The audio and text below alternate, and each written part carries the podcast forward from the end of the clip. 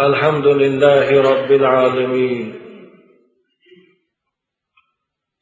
اللهم اجعل خير أعمالنا خواتمها وخير أيامنا يوم لقائك. پروردگارا بهترین عملهای ما را همون عملهای قرار ده که در لحظه های آخر حیات خود انجام بدهیم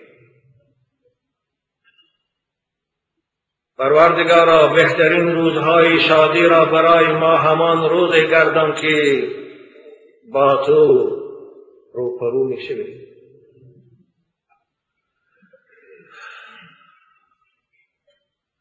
اللهم اشفي مرضى المسلمين اللهم ارحم موتانا وارحم موتى المسلمين خدایا بیمارای اهل اسلام و خصوصا بیمارای این عاشقان مدرسه محمدی را شفای کامل عنایت فرما. و از اینها و از قطار اینها خدایا بیمارای ما را هم شفای کامل نصیب گردان پروردگارا گذشتگان ما را که در عالم قبر با حسرت خوابند و از ما امید فاتحه دارند. خداوندا شامل رحمت گردان. و باقی مانده گذشتگان تمام امت اسلام خدایا سزاوار رحمت گردان.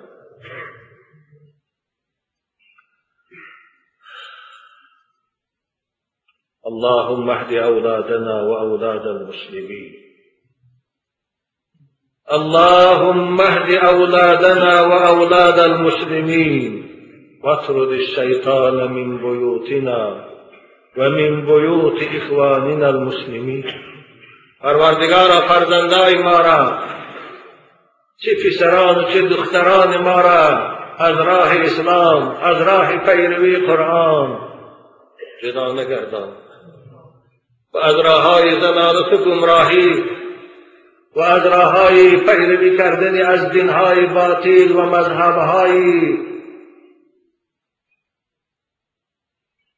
گمراه کننده خدای فرزندای ما را نگه دار. و تمام امت اسلام فرزنداش خدایا از راههای زلالت نگه دار و از پیروی قرآن جدا نگردان. اللهم ارزقنا الحلال وبارك لنا فيه خدایا برای ما رزق حلال یافتن را رزق حلال به دست آوردن را نصیب گردان. خدایا در این رزق حلالی که برای ما میسر گرداندی اگر چی کمان باشد برکت عطا فرما. اللهم باعد بيننا وبين الحرام كما باعدت بين المشرق والمغرب. خدایا ما را از حرام خوری از حرام گیری از رزقی از وجه حرام به دست می آید. خدایا نگه دار. خدایا هرگیز میسر نگردان که رزق حلال سببی رزق حرام سبب زندگانی ما و سبب زندگانی فرزندان ما گردد آمین.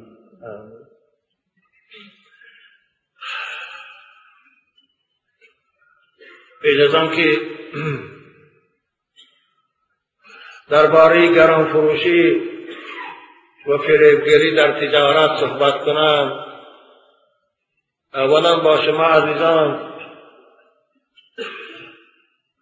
قصه یکی از پیغمبران خدا حضرت شعیب علی نبینا و علیه الصلاة والسلام را با همراه قومش پیشکش می‌کنند. قوم اونها هم مانند انسانهای امروز مانند بعد از امتهای پیغمبر ما هم به فریبگری و خیانت کردن در ترازو مشهور بودند. و اونها قومی بودند که خیلی تاجر بودند. اما فقط و فقط از تجارت اونها راهی فریب می دانستند کسانی که بیگانه اگر به شهر اونها می آمد او را فریب می دادند مالهای او را به نرخ ارزان می خریدند و با نرخ گران می فروختند یا در وقت عوض کردن پولهاش او را فریب می دادند این قوم در کجا استقامت می کردند در شهر مدین. عزیزان من من این قصه را با شما اول بیان می سازم و عاقبت حال اونها به کجا کشید می گویم زیرا که این درس عبرت است. قرآن هر قصه که از امتهای پیشین از پیغمبران پیشین برای ما بیان می سازد مقصد او عبرت گرفتن ماست. از خواندن او از شنیدن او. زیرا که اگر ما عبرت نگیریم و همان کاری که اونها انجام دادن ما هم انجام دهیم همان عذابی که اونها را حلاک کرد ما را هم روز حلاک می‌کند. زیرا که پروردگار عادل است. به همه بندگان خود چی پیشینیان چی امروزها چی بین بد می برامدی ها یک کل معامله دارد چگونه که اونها را پیشینیا را به سبب این کارهای زیشتان حلاک کرد با عذابهای گوناگون. ما هم اگر رفتار اونها را ادامه دهیم کار اونها را کردن گیریم ما را هم حق حلاک بکنه بنابر باز میگن که قرآن فقط برای در خدایا خواندن نامده. قرآن فقط برای بالای کسلید یاسین نامده. قرآن برای ختم کردن به مرده ها نامده. قرآن عبرت است. قرآن درس است. قرآن احکام است. قرآن حرام و حلال است. قرآن اخلاق است. قرآن حکمت است. قرآن سیاست است.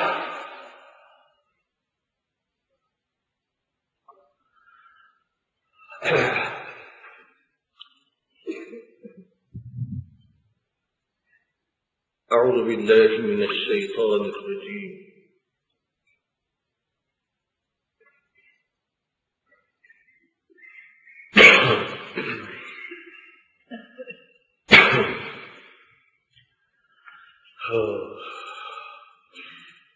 بسم الله الرحمن الرحيم.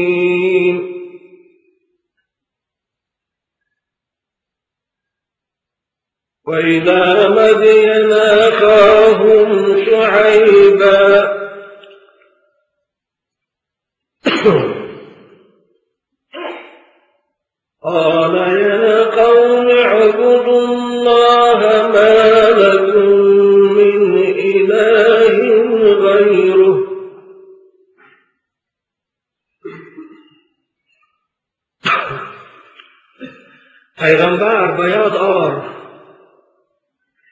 و برای امت بخواه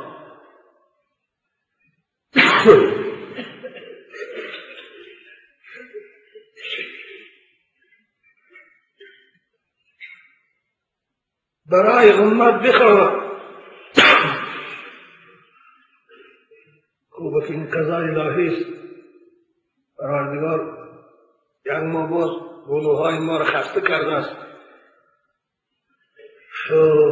در وقتی صحبت کرده محکم بشه آورد. این هم قضای است ما شکر یک پیاله چای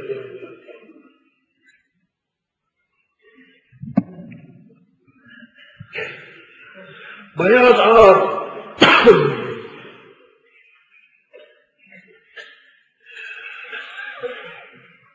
حال یکی از پیغمبران خدا را که نام او شعیب است. و او پیغمبر بود برای اهل مدین. مدین نام شهر است که واقع است در بین شام و در بین حجاز. یعنی بین سرزمین سوریه و بین سعودیه قرارگاه قرار دارد. خوب امروز نمی‌دانم او در اردون داخل است. یا در آمان داخل است این خدا می‌داند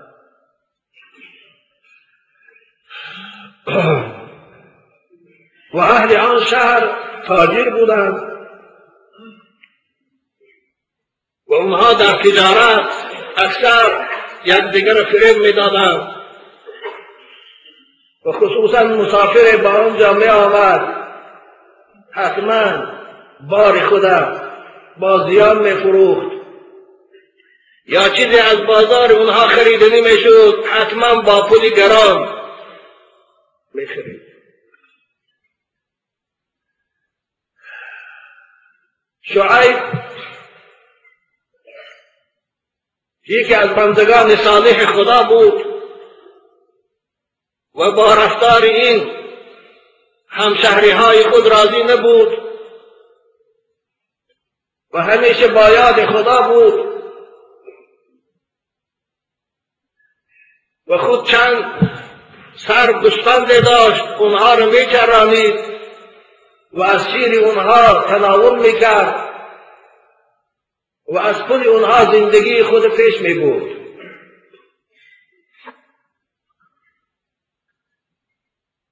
از که شعیب آن روز حالا پیغمبر نشده بود. یکی از بندگان صالح خدا بود. پدری او هم شخص بزرگوار بود. همه اهل مدین به خاطر پدرش به خاطر آنکه جوانی پاکیزه بود به خاطر آنکه به این کارهای اونها دست به زندگی از خیانت مشغول نبود او را دوست می داشتند یک روز شعیب در نزدی دروازه خانه خود نشسته بود با ذکر خدا مشغول بود. یک شخصی مسافر آمد. در حالی که خیلی شکست خاطر بود. به شعیب سلام کرد. حضرت شعیب سلام او را علیک گرفتن گفتن ای بنده خدا من شنیدم که در این شهر شما شخصی با تقوا آدمی پاکیزه آدمی خوبه هستی.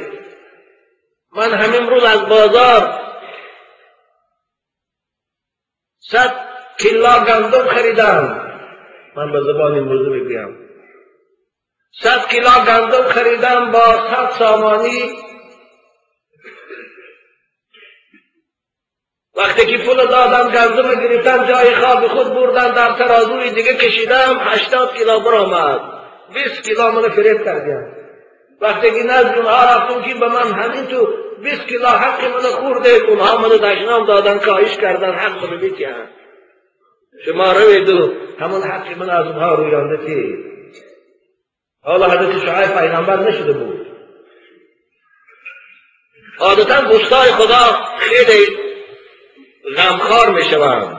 دل ملایم دارند. خستن و همراه هموش از بازار رفتن. پیش همون سوداگر گندم فروش رفتن. گفتن آخر این بیچاره را از راه دور آمده است برای خریدن گندم. از صد کیلا بیست کیلای روی فریب کردی. آخر خدا نمیترسی. نصیحت کرد. و جای آن که اونها خوب ما نافهمیده شد از حق او رو گویا اقرار کنند. هم حضرت شعیب دشنام دادند هم او بیچاره را آزار بسیاری دادند شعیب گفتن تو خود نمیدانی که وظیفه ما در بازار فریب کردن است. ما از آدم ها ارزان می‌خریم قیمت میفروشیم. ما از آدم ها ترازو رو وزبین کرده می‌خریم. وقتی فروختن با 20 سی گرم چه می‌زنیم میفروشیم؟ آنها به که ترازو فروشه ما عادت دارم وظیفه ما همین است تو ما رو نصیحت کنی میبیایی و یا حضرت شعیب سرزنش بسیاری کردن کاهش کردن او بیچاره. دیگر ندانست چی گوید گشته به خانه رفت. شب به فکر پروردگار مشغول شد که خدایا این حال چی بشده باشد. نصف شب بود که جبرئیل امین با امر پروردگار در رسید. و به حضرت شعیب بشارت پیغمبری را آورد. و گفت ای شعیب پروردگار به تو سلام میفرستد. بعد از سلام می‌گوید که تو رو من پیغمبر کردم و این اهل شهر مدینه از این کارهایی رزیدشان با نصیحت کردن باز دار او حضرت شعیب و از که فرمان خدا صادر شد عزیزان من پیغمبرا دیگر آرام ایستاده نمیتانم.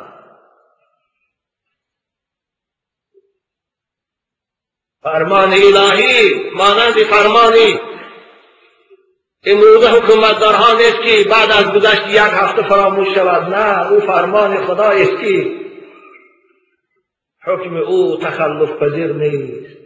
حضرت شعیب سحر خیستند و بازار رفتند. و فریاد کشیدند خدا قرآن دیکای میکنه و إلى مدین اخاهم شعیبا قال يا قوم اعبدوا الله ما لكم من إله غيره ای أهل شهر مدین از خدا بترسید. و این هیکل ها و این بت هایی که شما میپرستید خدا گفته اینها خدا نیستند و همون خدای یکتایی که آفریدگار موجودات است آفریدگار آسمان و زمین است آفریدگار خودی ما و شماست همون پرستش کنید.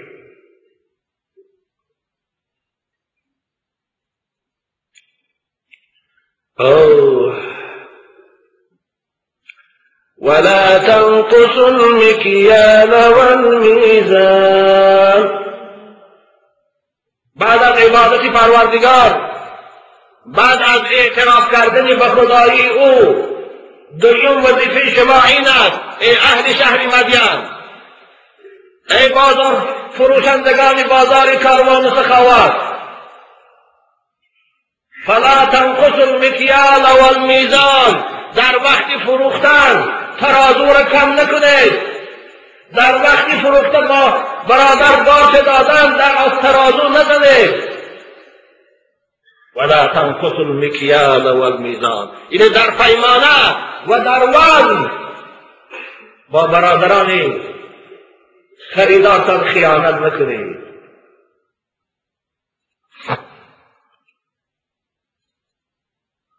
انی اراکم بخیر.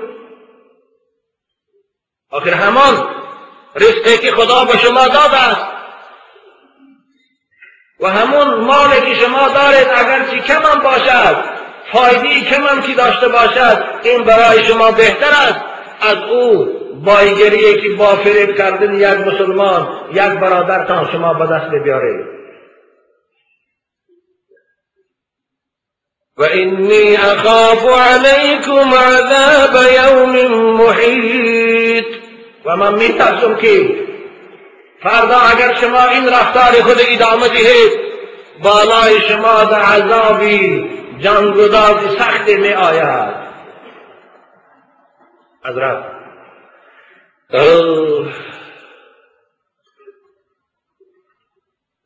این دعوت در بازارها در کوچه ها گفته می گشتند اما او قوم سرسخت او قوم بدبخت.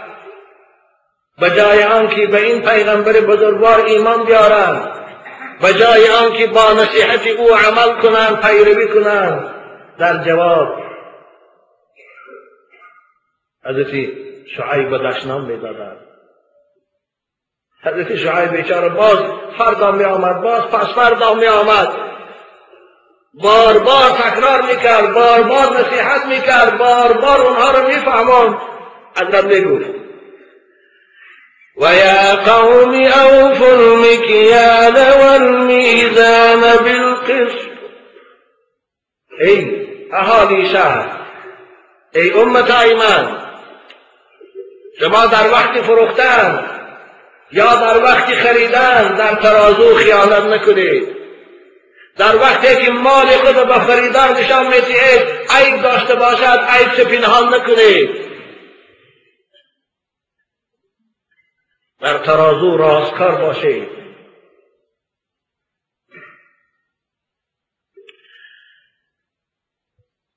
ولا تبخسوا الناس اشیاءهم ولا تعثوا في الارض مفسدين و در وقتی خریدن از مردم بار را اونها را خیانت نکنید یعنی ترازوتان با حله با نیرنگ سبوک کردن. از اونها مال نگیرید و مال نتید و این گران فروشی و این زدن از ترازو سبب فاسد کردن زمین است. شما زمین به سبب این فاسد نکنید. در سوری اعراف هم پروردگار این منظره رو بیان بکند حضرت شعیب گفتم ولا تفسدوا فی الارض بعد اصلاحها. آخر این فریب کردن مسلمان برادر مسلمان شد این فاسد کردن زمین است. این ویران کردن اخلاق است. این خیانت کردن است. به سبب آمدن پیغمبر به سبب آمدن قرآن زمین اصلاح شد. از نو شما اونها را باز فاسد نکنید. حضرت شعیب نصیحت می‌کرد. اونها را می‌فهمند خلاصی کلام شعیب صحبت کرد نصیحت قبول نکردند. حضرت شعیب حتی آزار دادند حتی تحقیر می‌کردند.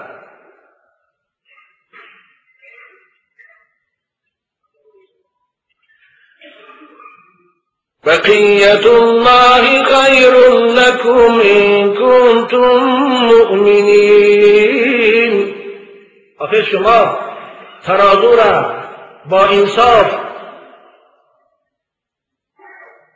فروش با انصاف خرید همون فایده اندکی هم که به شما میموند با وجه حلال با واسطه حلال این برای شما بهتر است.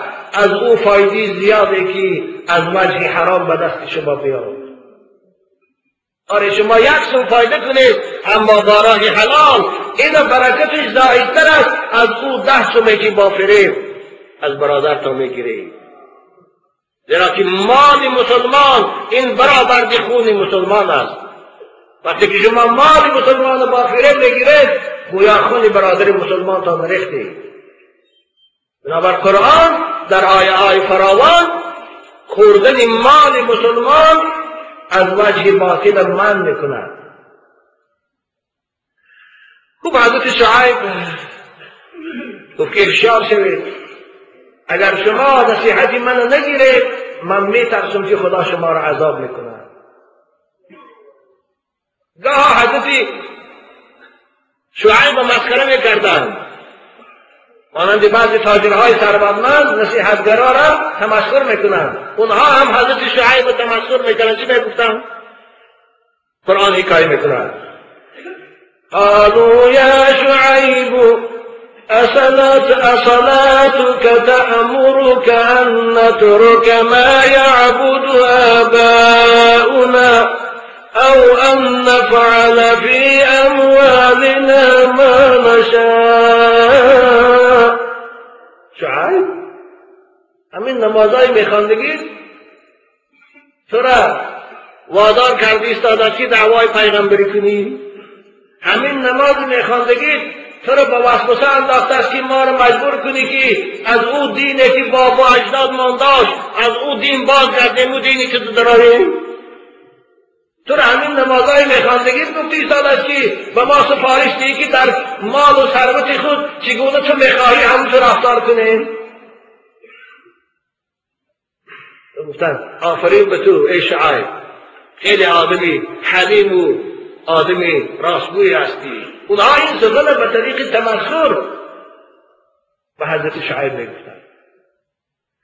خوب آخری که حضرت شعیب خسته شدن چند چند سال نصیحت کردن دعوت کردند به جای آنکه نصیحتی او را قبول کنند حضرت شعیب آزار دادند از بالای شعیب به اداره های دخلدار نوشتند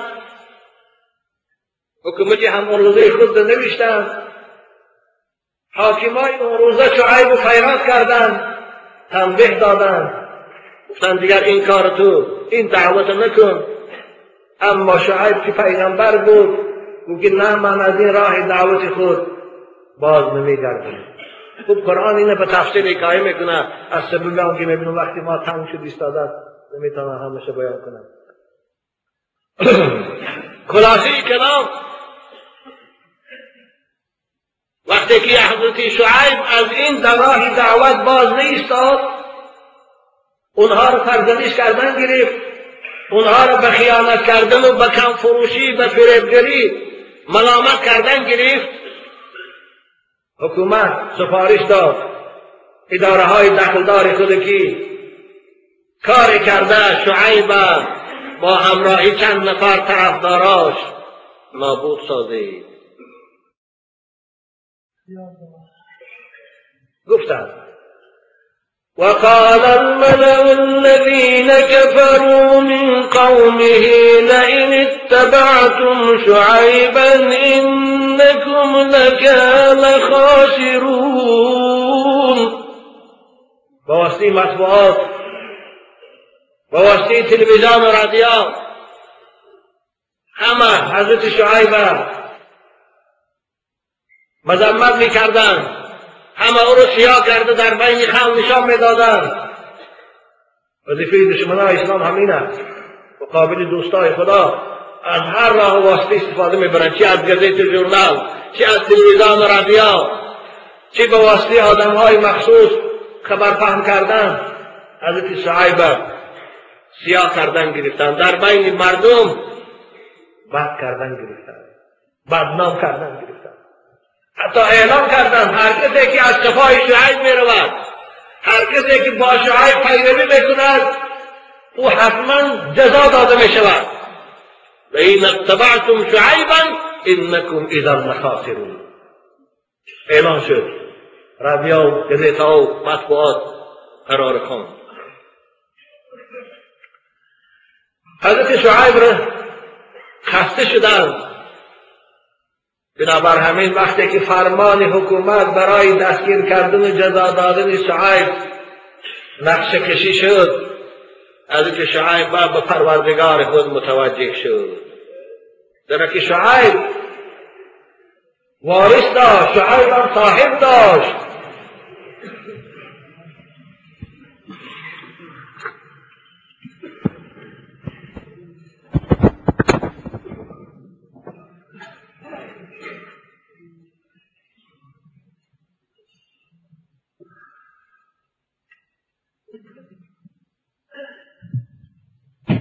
بس شروع بشه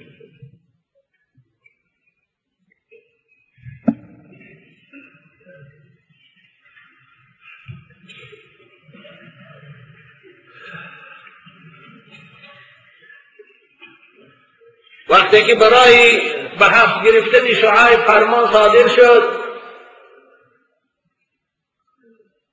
و آتریت های مخصوص زد عمل برای قبض او برای به دست گرفتن او آمادگی می‌دیدم. از که شعیب تلفن دستی خود گرفت و به ذات اقدس الهی به درگاه خدایی که رول تمام موجودات در دست او بود. و شعیب با سفارش او این دعوت بکرد تماس گرفت. حضرت یوسف گوش تلفن برداشت که اونجا قبول شد. حضرت دعا کردم ربنا افتح بيننا وبين قومنا بالحق وأنت خير الفاتحين خدایا گفت این قوم بدبخت من. چندین سال باز میفهمانم نصیحت می‌کنم. و جای آنکه نصیحتی من قبول کنند امروز قصد کشتن من دارند خدایا امروز بین من و بین این قوم سرسخت بدبخت. خودت حکم برار و ما را از اونها جدا گردان. که حق است و که باطل تو معلوم ساز این عرض بود. این شکایت بود پیغمبر خدا. به ذات اقدس الهی کرد پروردگار پیش از آن که دسته های مسلحی ابوجاد وقت پادشاه مدین ابوجاد بود. به قشلاق حضرت شعیب هجوم کنند و شعیب با همراهی پیروانش به حبس گیرند. پروردگار صادر کرد. فأخذتهم الرجفة فأصبحوا في دارهم جاثمين الله. پروردگار چی منظری زیبایی را در سوره اعراف و در سوره هود در سوره شعرا برای ما بیان می‌کند. وقتی که از اداره های دخلدار مسلح های ابوجاد با پوشیدنی لباس های مخصوص جنگی با ها مسلح. به سوی قشلاق حضرت شعیب می آمدند که پروردگار فرمان داد یک بادی سخت یک شمالی گرمی سخت وزیدن گرفت شمالی که در هیچ جا بود یک بار در وزیش در آمد و جای اینکه ماشین های اونها به سوی قشلاقی حضرت شعیب روانه شوند در راه ماشین ها از حرکت باز ایستادند. و شمالی گرم و سوزن روی های اونها رو میسوخت. اونها خود در زیر ماشین پنهان میکردند. آخر نشد عقیب گشتند. فأخذتهم الرجفة فأصبحوا في دارهم جاثمين. طاقت نکردند عقیب گشتند عقیب گشتند به خانه های خود به خانه ها در آمدند و کزرمه هاشان در آمدن. اما هوا سوزان شدن گرفت سوزان شدن گرفت گویا اینکه از آتش شمال آمد ایستاده است. نه در آب نه در زیر غارها هیچ آنها رو فلا نمی‌کرد. ناگهان یک حسی از شب نگذشته بود که زمین با فرمان پروردگار به جنبش درآمد. فأخذتهم الرجفة فأصبحوا في دارهم جاثمين. چنان زمین جنبه شد که همه خانه ها فرو رفتند. از دهشت آن زمین جنبی و از فریاد سخت حضرت جبرئیل دلهای مسلحهای ابو جاد پاره شد. یک حسی از شب گذشت. زمین جنبی آرام شد. وقتی که صبح دوید از اهل همان شهر یگان کسی زنده باقی نمود. وقتی که خانه ها بدن همه در خانه ها به زمین افتیدگی حلاک شدگی خواب هستند. زیر ویرانه ها زیر دیوار زیر ستون زیر چوب مسخر زیر سنگ ها الذين كذبوا شعيبا كأن لم يغنوا فيها. الذين كذبوا شعيبا هم هم الخاسرون. خدا میگد آن کسانی که شعیب دروغگو می دانستند آن کسانی که پیغمبر خدا را مقابل جنگ اعلان کردند خوشان چنان هلاک شدند که گویا در او شهر اونها یگان آدم زنده نبود. که لم یغنو فیها که لم یقیمو فی ابواب در همون شهر هرگز اینها زنده زندگی کردگی نبودند. یکسان شدند الذين كذبوا شعيبا هم الخاسرون. کسانی که شعیب دروغگو می‌دانستند خوشان زیان دیدن خوشان حلاک شدن خوشان به غضب خدا مبتلا شدن وقتی که حضرت شعیب آمدن دیدن همه شهر ویرانه یگان آدم زنده نیست. حضرت شعیب و پروردگار با پیروانش نجات داد. خلاص کرد. از مرد حضرت شعیب بعد به خانه ها می در آمدن مرده ها رو می دیدن حال زای اونها رو می دیدن سر تو همش از سرشان سبیل مونده حضرت با می گفتن فتولا عنهم وقال يا قوم لقد أبلغتكم رسالات ربي ونصحت لكم. حضرت ای قوم من ای اهالی شهر مدین ای بی نصیب و بدبختا آخر من چندین سال حکم خدا را به شما بیان کردم. تبلیغ رسالت از جانب خدا کردم. بارها بارها شما را با زبان شیرین و نرم نصیحت کردم. بارها شما را از خیانت کردن و از کم فروشی و فریب کردن من کردم که نکنید. اما شما گفی من نگرفتید. به جای آنکه به نصیحت من عمل کنید من آزار دادید من تحقیر کردید قصدی کنید قصدی کشتن من کردید. فکیف آسا علی قوم کافر پس چگونه من برای شما ذکر شوم؟ چگونه من برای شما غمگین شوم؟ خدا شما را هم هلاک کنه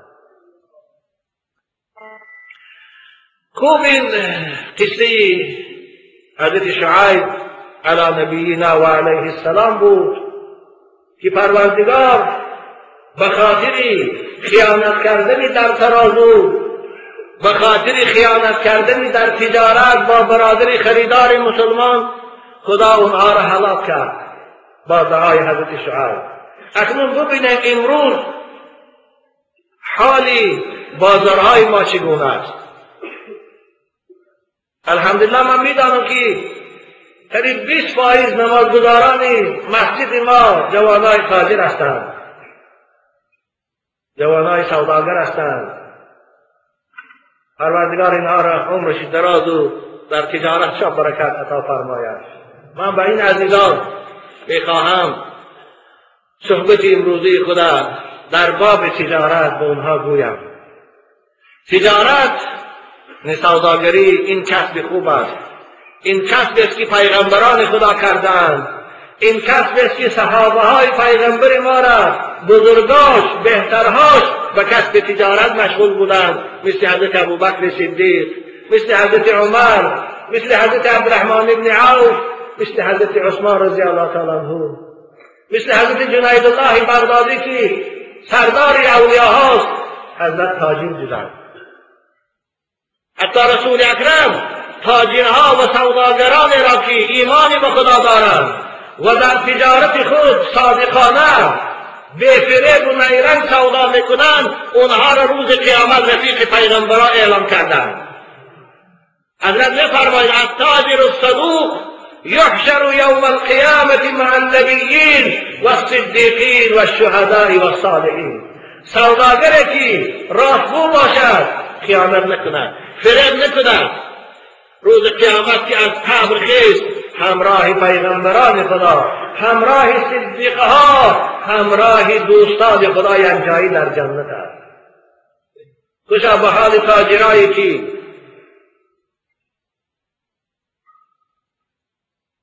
راستگو هستند. خوشا به حال تاجرایی که در تجارتشان کسی فریب نمی کنند آنچه حق خود هست می‌گیرند آنچه حق مردم است می‌دهند اینها همراه پیغمبرند. اما تاجری که در تجارتش خیانت کند تاجری که در تجارتش خریدار فریب دهد او مانند قوم شعیب سزاوار لعنت خدا می شود سزاوار عذابی همیشگی پروردگار می کردن. رسول اکرم صلی الله علیه و سلم پیش از آن که مدینه آمدن اهل مدینه را در بازارش فریبگری هم مشهور بود. بازار به بعضی بیچاره رو فریب می‌کردن رسول اکرم آمدن مدینه. پروردگار این سوری مبارکه را فرستاد. اعوذ بالله من الشیطان الرجیم ویل للمطففین الذين اذا اكتالوا على الناس يستوفون خدا گفت وای برای کسانی که در تجارت فریبگری می‌کنند. وای نامی کامری نامی. زندان از زندانهای دوزخ عذاب او آنقدر جانگدان است که رسول اکرم گفتن لو سیرت فیها جبال الدنیا لذابت من شدت حرها.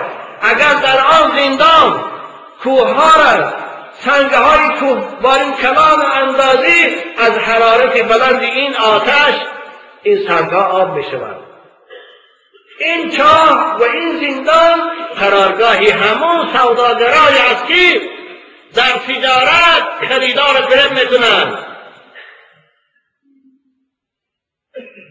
متفیف گرام می‌خرند سبوک میفروشند تفسیرش خدا بیان بکنه الذین اذا اکتالوا علی الناس یستوفون. وقتی که یگان دهقان بازار مالش بیارد ارزان کرده می‌خرند وقتی که یگان دهقان گندماش بازار بیاد ترازوی مخصوص دارد وزنی وزنی کرده می‌گیرد اما وقتی که خودش فروختنی شد ثانی بعد ترازو رو سبوک کرده بفروشد صد کیلو گفته از دهقان خریده بود خودش وقتی فروختن به بسته بیست کیلو کرده میفروشد می‌زنن و اذا کالوهم وقتا که پیمانه می‌کنن او وزنوهم یا وقتی که ترازو خیلی میفروشن یخسرو فرم می‌کنن. خدا چی میگه؟ الا یظن اولئک انهم مبعوثون؟ آیا این فردگران این تاجرایی که در تجارت خیانت می‌کنند این تاجرایی که خریدار فرم می‌دهند گمان نمی‌کنند که روز حتما در پیشگاه خدا زنده می‌شوند میخیزند و در محکمه سودی خدا حاضر می‌شوند. این روز باید نمیارن الا یظن اولئک این سوداگرای فریبگر. این تاجرهای خیانت پیشه. مالی که بغوز نیست. گاوه که عیبدار است قسم می‌خوره که بغوز است میفروشد برای بیست سوم زایتر فروش حالا پولی باید برکت ندارد رسول اکرم صلی الله علیه وسلم در حدیث صحیح به شما عزیزان سوداگران الله میفرماید یا معشر التجار ایاکم و کسرت الحلف فی البیع. ای سوداگرها در وقت سودا زینها قسم نخورید. قسم بر در وقت تجارت در وقت سودا نخورید شما. فانه ینفق ثم یضحک رواه مسلم. آره شاید به این قسم بر دروغ تو اندک وقت پول تضاعیف کنی اما این پولی تو زود برکش می‌رود. زود تلف می‌شود.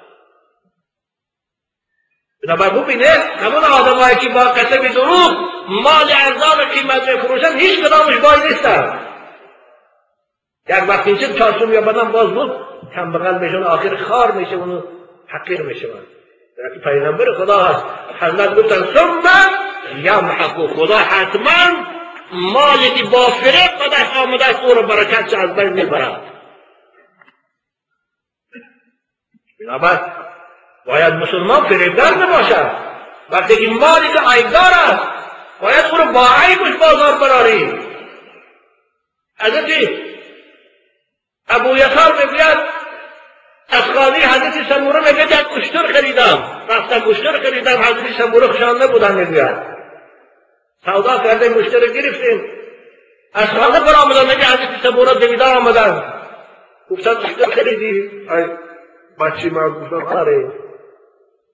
و این اشتر برای کشتن گرفته یا برای سوار شدن؟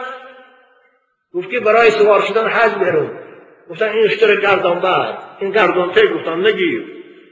این اشتر اگرچه در ظاهر فرده باشد صحت هم باشد. این راه رفته نمی‌تواند گفتن. اشتر گردان. بچهش بود دادا چی اون کار کردی؟ اون من به پیغمبر خدا عهد کردم که وقتی که مالی را میفروشی اگر عیب داشته باشد باید عیب شگویی و به رسول اکرم بودن المسلم و اخ المسلم. ولا يحل للمسلم ان باع من اخيه بيعا وفيه عيب الا بينه.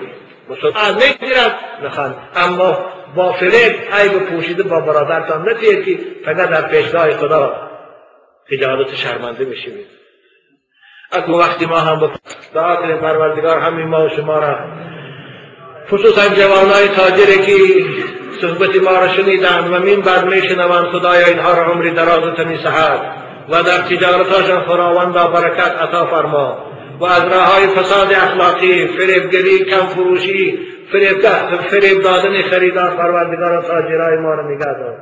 پروردگار فیض و برکات در این دیار ما نازل گردان. پروردگار آفت و ناراحت و ناکینجی ها را از این جمهوری ما برداشته گردان.